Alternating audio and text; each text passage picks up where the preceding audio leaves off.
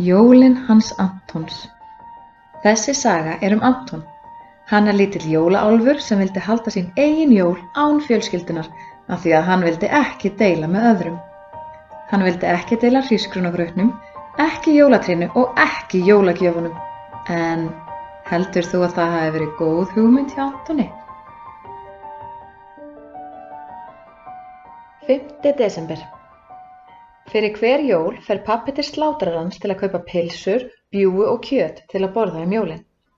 Anton býður spenntur eftir að sjá hvaða góðgæti pabbi kemur með heim í þetta sinn. Hrísgrunagrauturinn hennar mömmu er það besta sem hann fær, en hann vonar nú samt að pabbi komi með pylsur sem hann geti fengið að smakka. Anton setur upp í gluggakistu í herberginu sinu. Hann heldur niður í sér andanum þegar hann heyrir að einhver gengur eftir pallinum úti. Pabbi er komin heim. Anton stekkur niður úr glugganum og hleypur niður stigann. Pabbi, pabbi, hrópar hann. Má ég?